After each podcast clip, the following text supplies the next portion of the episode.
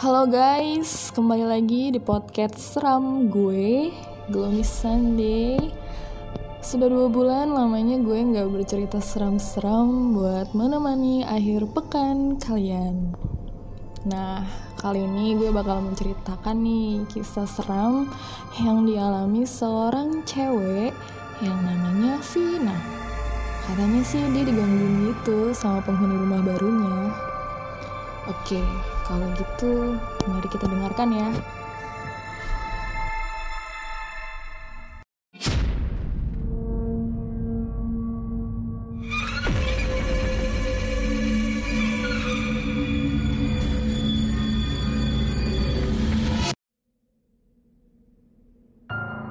Namaku Vina.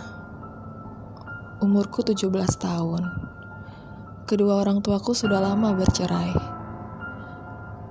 Aku tidak tahu pasti alasan mereka berpisah. Ibu sudah punya suami lagi, sedangkan ayahku masih setia merawatku. Namun, akhir-akhir ini aku marah kepada ayah lantaran kami mau pindah rumah.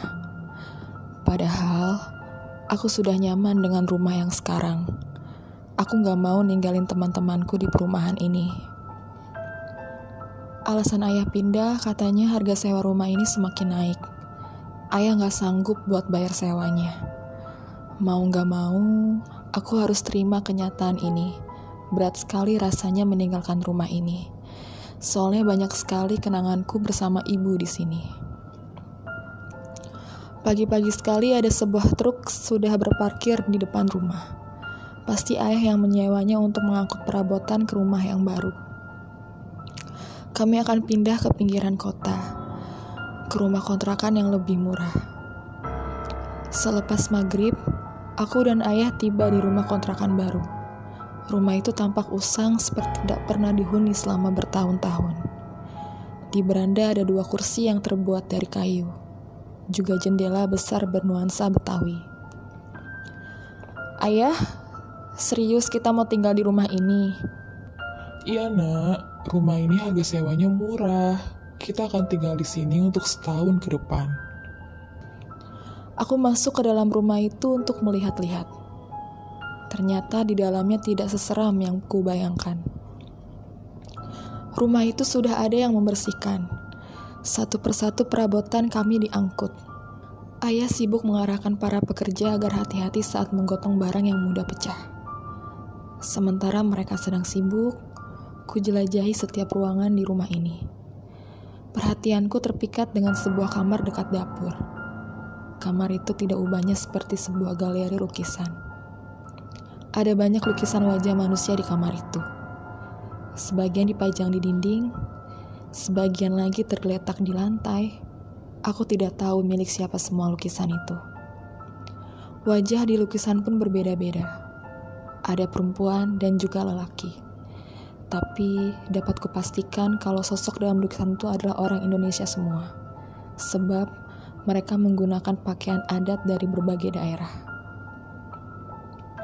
Setelah puas melihat-lihat lukisan itu, aku hendak kembali ke ayah. Tapi tiba-tiba terdengar suara seorang bersiul.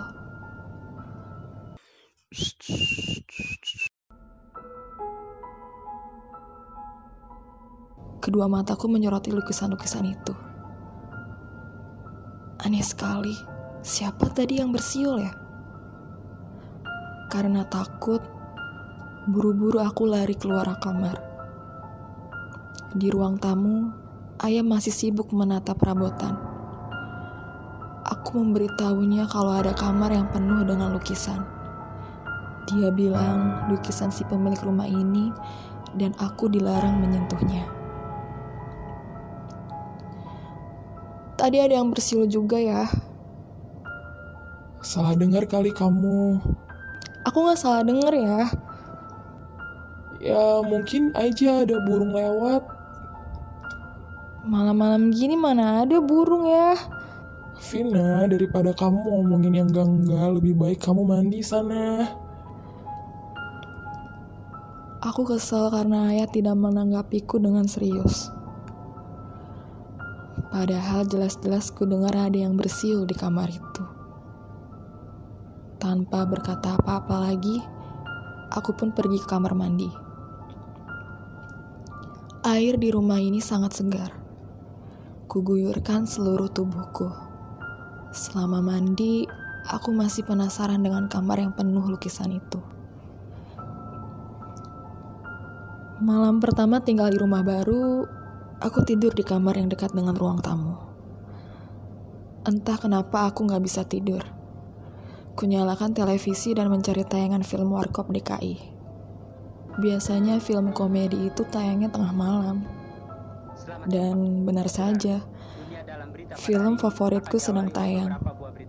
Sesekali aku tertawa melihat tingkah Dono yang kocak. Lama-kelamaan aku ngantuk. Aku tertidur pulas. Sedangkan televisi masih dalam keadaan menyala.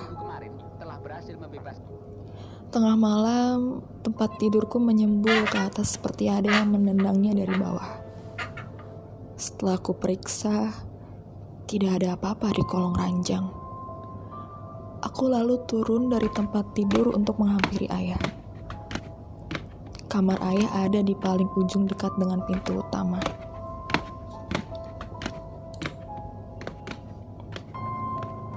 Jadi aku harus melewati kamar yang penuh dengan lukisan itu untuk sampai ke sana.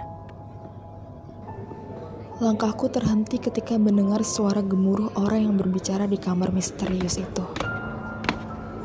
Pelan-pelan aku melangkah mendekati pintu dan mengintip dari lubang kunci. Dari lubang kunci itu, ku melihat penuh orang-orang asing yang sedang mengobrol satu sama lain. Wajah mereka pucat. Bukan hanya wajahnya, tapi tubuhnya juga terkesan seperti orang mati. Salah satu dari mereka menoleh kepadaku. Buru-buru aku lari ke kamar ayah untuk memberitahunya soal ini.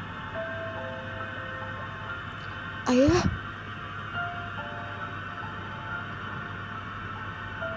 tapi aku tidak menemukan ayah. Di mana dia? Di atas mejanya kutemukan secari kertas yang berisi sebuah pesan dari ayah. Vina, ayah ada urusan mendadak. Jangan keluar rumah selama ayah pergi. Ayah akan segera pulang. Setelah membaca pesan dari ayah, tiba-tiba lampu kamar berkedap-kedip. Aku menelan ludah sendiri. Keramaian di kamar sebelah masih terdengar jelas. Bergegas kututup pintu kamar dan mengunci diri di dalam. Aku naik ke atas tempat tidur ayah, lalu menutup tubuhku dengan selimut. Tak lama berselang, ku dengar suara langkah kaki kerumunan orang di ruang tamu. Mereka masih mengobrol satu sama lain. Siapa ya orang-orang itu? Wajahku berkeringat Kedua tanganku bergetar karena takut. Semoga mereka tidak menemukanku di kamar ini.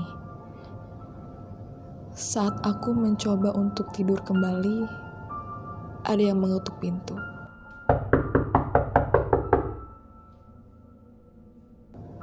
Aku tidak mau membukakannya sebelum mendengar itu adalah suara ayah. Vina, kamu di dalam ya, Nak?